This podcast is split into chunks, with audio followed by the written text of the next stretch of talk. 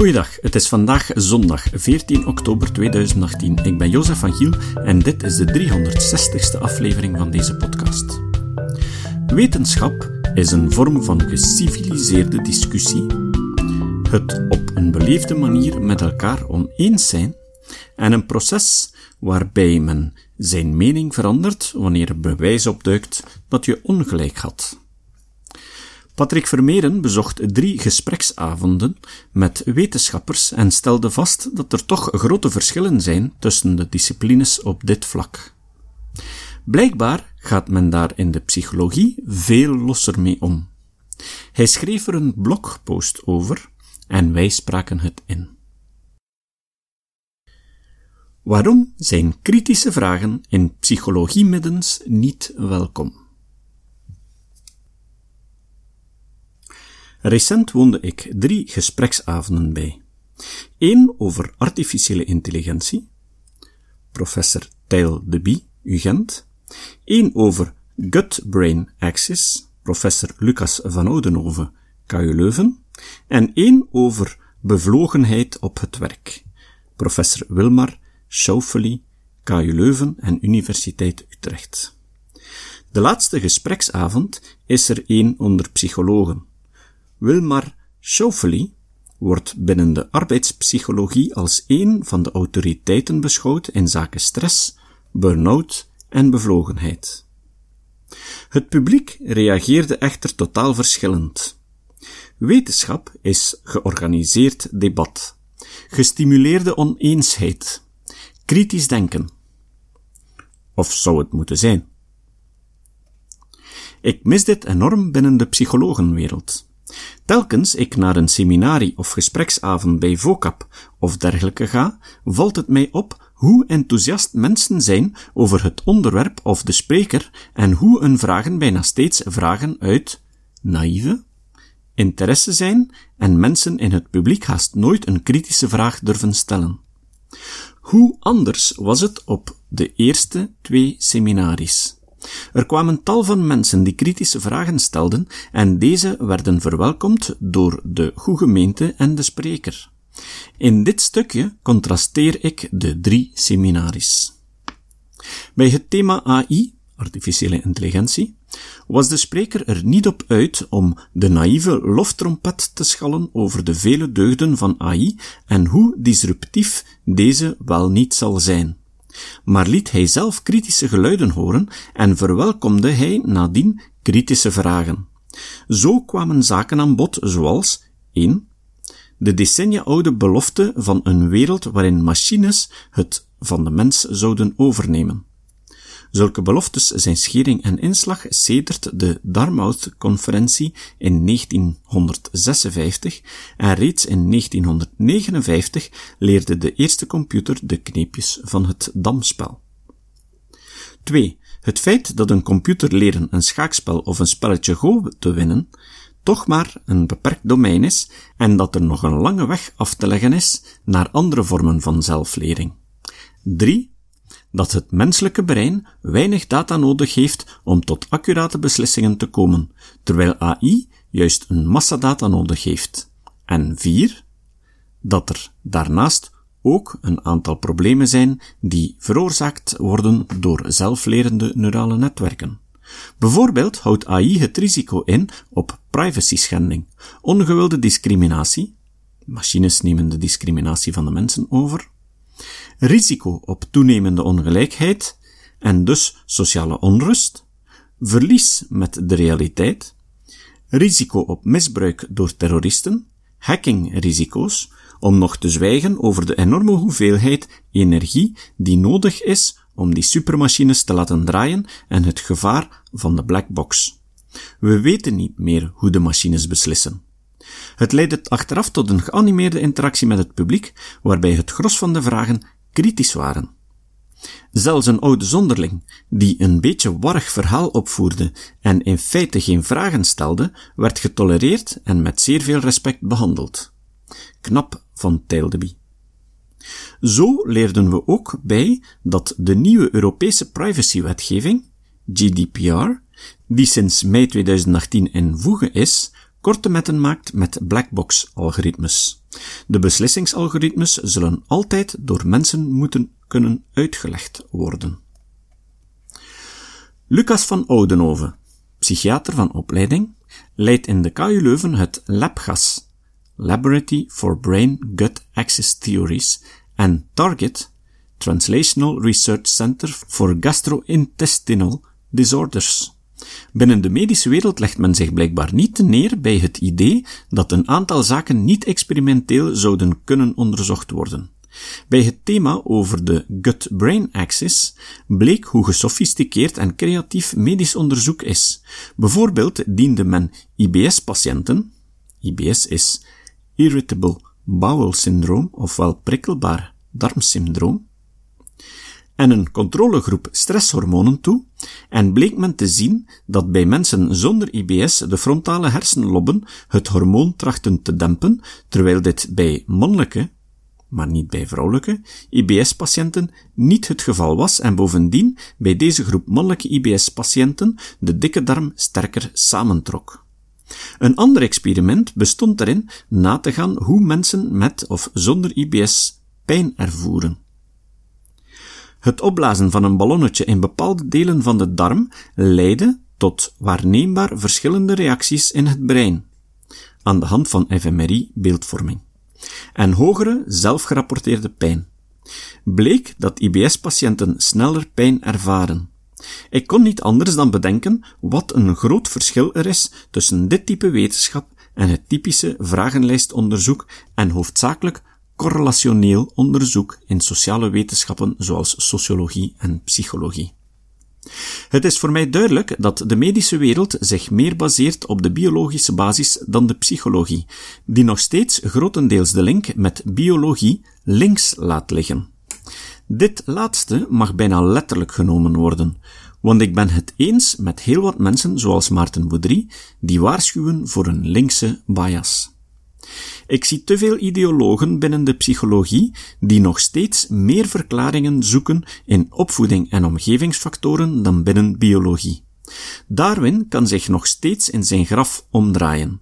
Verschillen tussen mensen, rassen of geslachten moeten worden toegeschreven aan omgevingsfactoren zoals discriminatie en een objectief onderzoek naar biologische factoren stuit stevast op verontwaardiging, zelfs bedreigingen aan het advies van objectieve wetenschappers. Ook hier ging de spreker zelf geen kritische bedenkingen uit de weg. Hij duidde zelf op de hype van microbiota, waarbij de claims in de pers en de boekpublicaties fel overtrokken beweringen zijn die wetenschappelijk lang niet hard gemaakt zijn. Hij wees op het feit dat er nog vele jaren van onderzoek nodig zijn bij de mens, vooraleer men de impact van microbiota, transplantatie van feces en dergelijke meer correct kan inschatten. Ook hier kreeg de spreker te maken met tal van uiterst kritische vragen. Bijvoorbeeld, wie sponsorde het onderzoek naar probiotica? Een uiterst relevante vraag, want bijvoorbeeld bij geneesmiddelenonderzoek werd aangetoond dat het grootste positieve effect van medicijnen sterke correlaties toont met welk farmabedrijf het onderzoek sponsorde. De spreker gaf ontmoedig toe dat de producent van Danone één van de onderzoeken, met positieve effecten, had gesponsord. En wat met het feit dat het meeste onderzoek bij proefdieren zoals muizen en ratten gebeurde, terwijl in het verleden al veel onderzoek dat bij proefdieren positieve resultaten opleverde, bij de mens tot niets leidde. Dat zijn nog eens kritische vragen. Als vraagsteller voel je je dan ook veilig. Als ik in zulke middens een kritische vraag stel, voel ik helemaal geen stress opkomen. Hoe anders is het gesteld als ik mij in de middens van de positivos van de psychologie begeef. Zelden maak ik daar kritische vragen mee en ik maak er mij stevast onpopulair mee als ik die vragen wel stel. Verschil 1. Deze week was het weer zover. Bij een autoriteit van de arbeidspsychologie dan nog. Met een gezonde mix van nieuwsgierigheid en kritische ingesteldheid vatte ik het seminarie aan. De spreker werd ontzettend veel lof toegezwaaid door de persoon die hem introduceerde. Verschil 2 en stelde zich vervolgens kort voor. De spreker verwees ook naar zijn commercieel adviesbureau triple I, wat mij onwillekeurig deed denken aan belangenvermenging. Verschil 3 mag ik het ongemakkelijk vinden dat mensen die door belastingbetalers worden betaald om hun kennis te verwerven, deze daarnaast ook inzetten om nog flink bij te verdienen en de concurrentie aan te gaan met aanbieders die dit voordeel niet hebben? Vervolgens trapte de spreker de presentatie af door kritiekloos te refereren aan de beweging van de positieve psychologie, PP. Deze beweging binnen de psychologie hanteert de volgende definitie. Positieve psychologie is de wetenschappelijke studie van optimaal menselijk functioneren met als doel om de factoren te vinden en te promoten die toelaten om individuen en organisaties om te floreren. Seligman, 1999 op het internet kan u nog wat fluffier omschrijvingen vinden. De enige kritische noot die de spreker liet vallen ten aanzien van positieve psychologie was zijn aanbeveling om ook het boek Smile or Die van Barbara Ehrenreich te lezen, alsof er niet meer kritiek te rapen valt op positieve psychologie. Voor mijn op stapel staande boek doorploegde ik de literatuur en ik geef u een voorsmaakje van de problemen binnen dit vakgebied. Er is geen geluksformule, zoals liedzanger Martin Seligman voorstelde.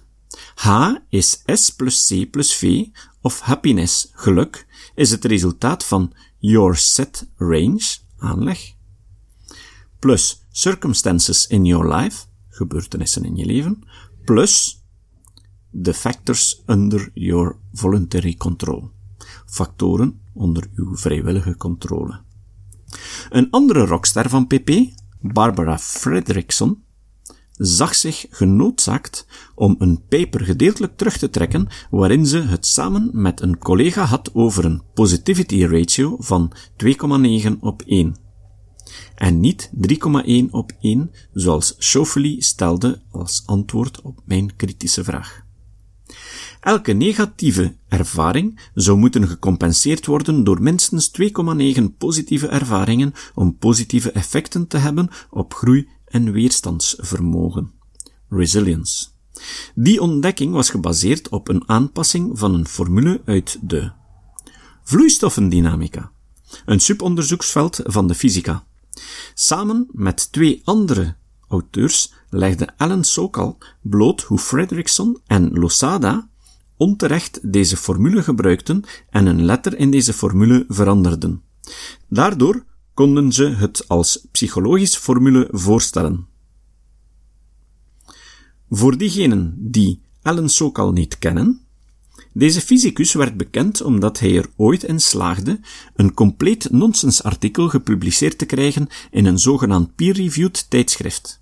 Deze beschamende rechtzetting weerhoudt Sonja Lu-Bormiski en Barbara Fredrickson er echter nog steeds niet van om nog altijd de onzin te verspreiden van hun broad and build theorie. Dat je door positief te zijn een altijd maar uitdijende positieve opwaartse spiraal krijgt.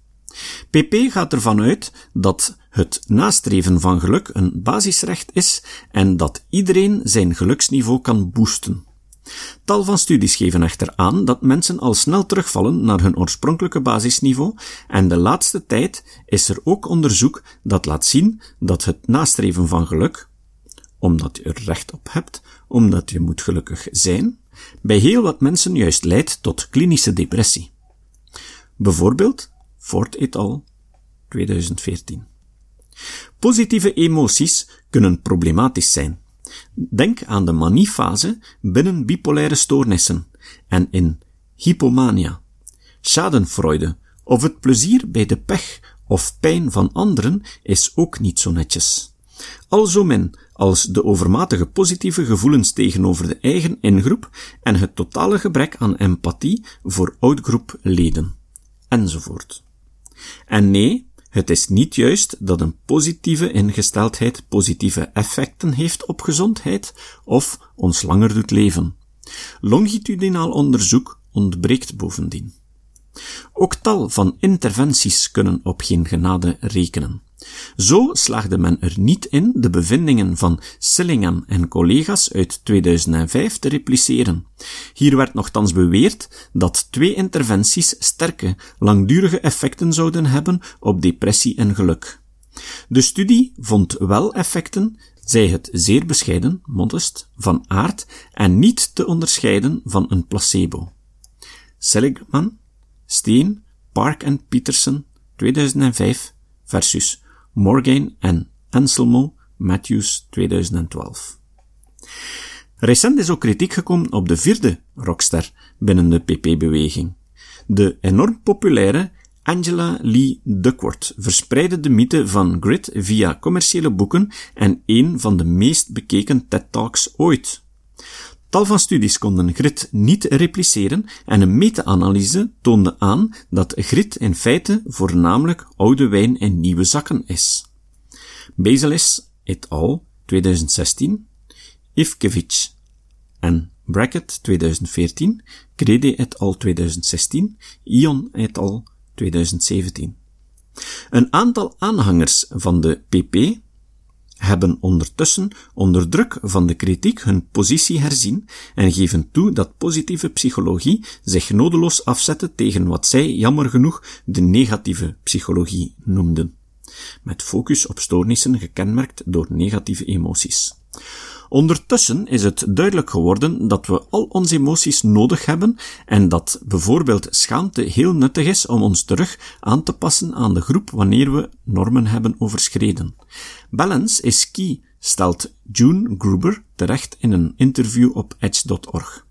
Mijn conclusie, in mijn op stapel staande boek, is alvast snoeihard.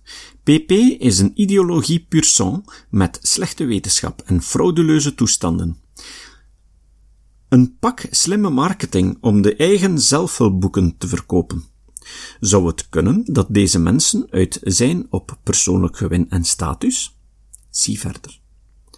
Wie nu al meer wil lezen, moet maar eens het doctoraat van Bergora Snijbordendottir 2010 opsnorren, de blogs van James C. Coyne lezen of zijn kritische boeken. Zie de bronnen onderaan. Maar het hield niet op.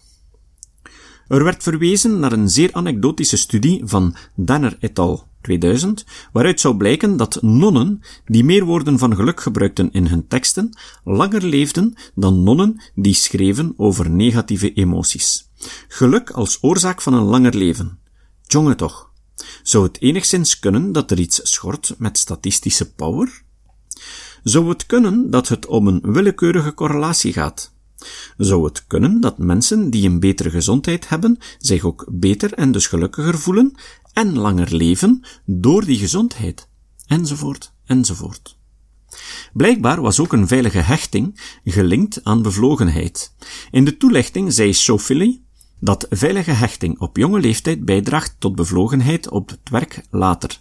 Blijkbaar is hij ook hier niet op de hoogte van de uiterst dubieuze status van hechtingsonderzoek.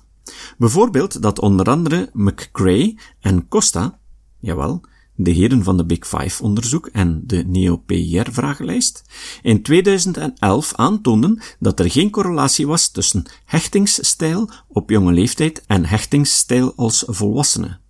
Steven Pinker, John T. Brewer en Judith Rich Harris maakten allen brandhout van het dominante verklaringsmodel voor hechting. Dat het zo met de opvoedingsstijl te maken hebben. Dat was de bittere smaak die ik als kritische toehoorder kreeg. Het betoog leek op rainforest empiricism. Je hebt een heleboel data en gaat dan op zoek, cherrypicking, naar theorieën die passen bij je data. Men neemt daarbij ook elk passend ingrediënt, hoe problematisch ook vanuit empirisch standpunt. Uiteraard met het oog op je eigen theorie te ondersteunen. Het was ook niet altijd duidelijk of wat gepresenteerd werd hypotheses betrof of echt onderzoek. Zo werd bijvoorbeeld op slide 23 de link gelegd met het circumplex van emoties van Russell uit 2003, maar naar mijn weten is er geen onderzoek gedaan dat daadwerkelijk de veronderstelde verbanden laat zien. Vandaar dat deze slide wellicht de vermelding draagt naar Russell, 2003. Vervolgens werden tal van single studies getoond, waarin een handjevol namen van onderzoekers steeds weerkeren. Bevlogenheid of employee engagement zou goed zijn voor tal van zaken. Lichamelijke gezondheid, geestelijke gezondheid, positieve attitudes op het werk, prestaties, ja zelfs omzet en winst. Fantastisch toch, dat de onderzoekers naar employee engagement erin slaagden financiële verbanden te vinden, terwijl andere wetenschappers hun vingers daar niet willen aan verbranden, wegens te moeilijk om alle beïnvloedende factoren in weging te brengen? Het doet mij denken aan de website met Spurious Correlations van Tyler Vingen. Zie de notitiepagina voor een link. Echt, neem een kijkje en lach u te pletter. Een positieve kriek. Dan stelt zich nog de ultieme vraag uiteraard. Welke interventies leiden tot meer bevlogenheid? Nou moe, dan nemen we toch weer eens de positieve psychologie erbij. De dankbaarheid en vriendelijkheid, oefeningen uit de positieve psychologie, zelfdeterminatie, gebruik van competenties, hogere autonomie en mindfulness op het werk, bijvoorbeeld.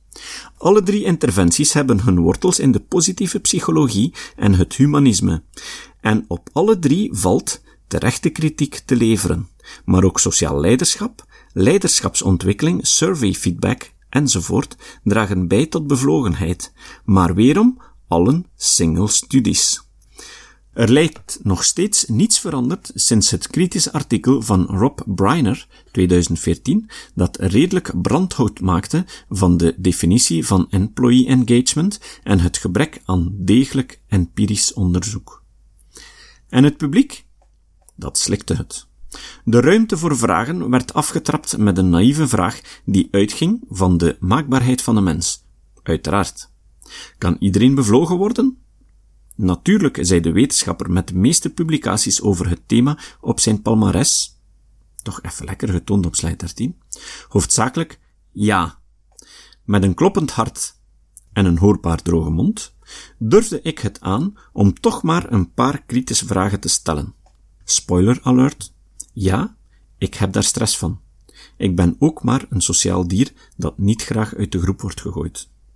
Ik stelde kritische vragen over de rocksterren van de positieve psychologie, over het gebruik van longitudinaal onderzoek, over de grotere kans op depressie bij het nastreven van geluk, over de aangetoonde terugval van je basisniveau van geluk. Ik wou het ook hebben over de olifant in de kamer, maar ik was misschien de enige die deze zag aan het geroezen moest horen. Mensen zijn sociale dieren die echt niet alleen streven naar verbondenheid en samenwerking get along. Zoals alle andere sociale dieren of insecten is er ook flink wat interne competentie bij de mens. Mensen concurreren voor status, geld en macht. Ze willen vaak niet alleen de sociale succesladder beklimmen, maar eveneens de dominantieladder. Get ahead. Daar is niets hen vreemd. Zelfbedrog, bedrog, impressiemanagement, derogation of competitors enzovoort. Als verklaringsmodel voor de motieven en de motivatie van mensen schiet bijvoorbeeld zelfdeterminatietheorie flink tekort. Mensen streven ook naar status en succes, de ene uiteraard al meer dan de andere. Sommigen gaan daarin heel ver en ontsporen daarin. Getuigen het grote aantal leidinggevenden die absoluut niet aan sociaal of authentiek leiderschap doen. Hoe blijf je bevlogen onder dergelijke leiders? Hoe overtuigen we hen om zich anders op te stellen? Maar de linkse bias om dit te ontkennen en de goede gemeenschap een utopisch model van harmonie en perfect leiderschap aan te doen nemen, helpt geen kat vooruit. Lees het onvolprezen leadership bullshit van Jeffrey Pfeffer erop na en je beseft dat het nog heel wat zoden aan de dijk zal vergen, vooraleer de leiders met de echte macht in organisaties ideale omgevingen zullen creëren om iedereen bevlogen te maken. En dan heb ik het nog niet over de realistische, recente vaststelling dat de meeste mensen motivatie putten uit het zorgen voor hun gezin. Geld verdienen om het gezin te onderhouden. Niets mis mee. We moeten en kunnen niet allemaal gelukkig zijn op het werk en bevlogen worden. Dat werd maar heel even duidelijk toen bleek dat mensen die nog bandwerk verrichten helemaal geen bevlogenheid ervaren. De kansen op bevlogenheid lijken weggelegd voor een select groepje weirdo's. Western, high-educated, intelligent, rich and from democratic countries. Die bovendien in uitdagende jobs met veel autonomie en een schitterende leidinggevende terechtkomen. Het advies aan studenten om bevlogen te worden kon niet meer open deuren intrappen. 1. Neem initiatief. Benut de mogelijkheden die jouw studie biedt, benut zoveel mogelijk je eigen talenten en volg je dromen en passies. Zorg voor een goede balans tussen studie en privé, focus niet alleen op resultaat, maar ook op je persoonlijke ontwikkeling.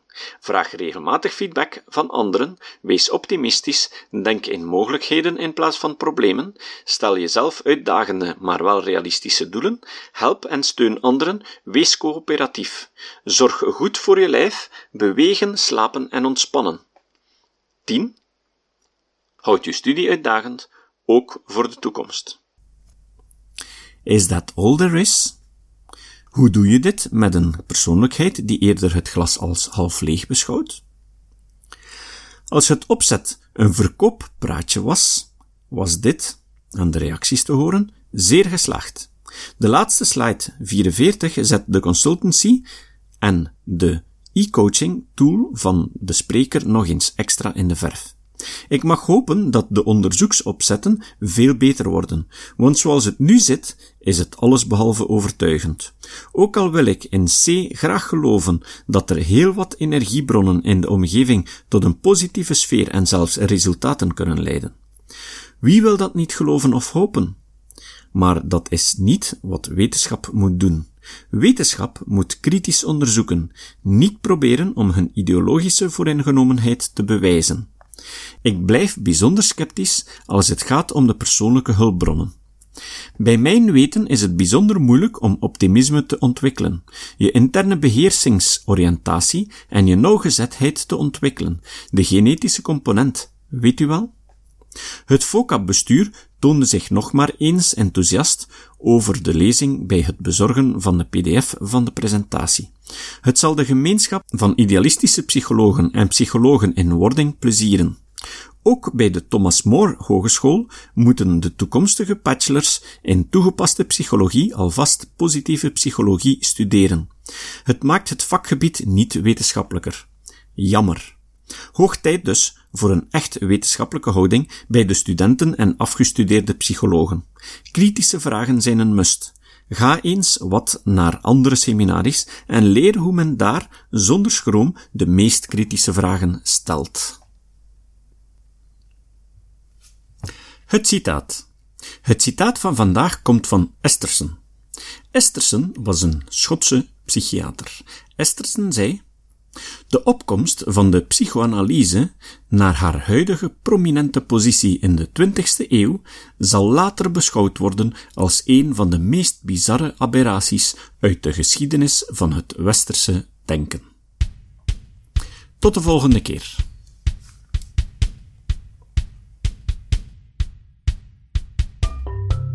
Dit was de podcast Kritisch Denken. Vergeet niet om alles kritisch te behandelen, ook deze podcast. Voor verdere informatie over deze podcast, links en voor de tekst, surf naar www.kritischdenken.info.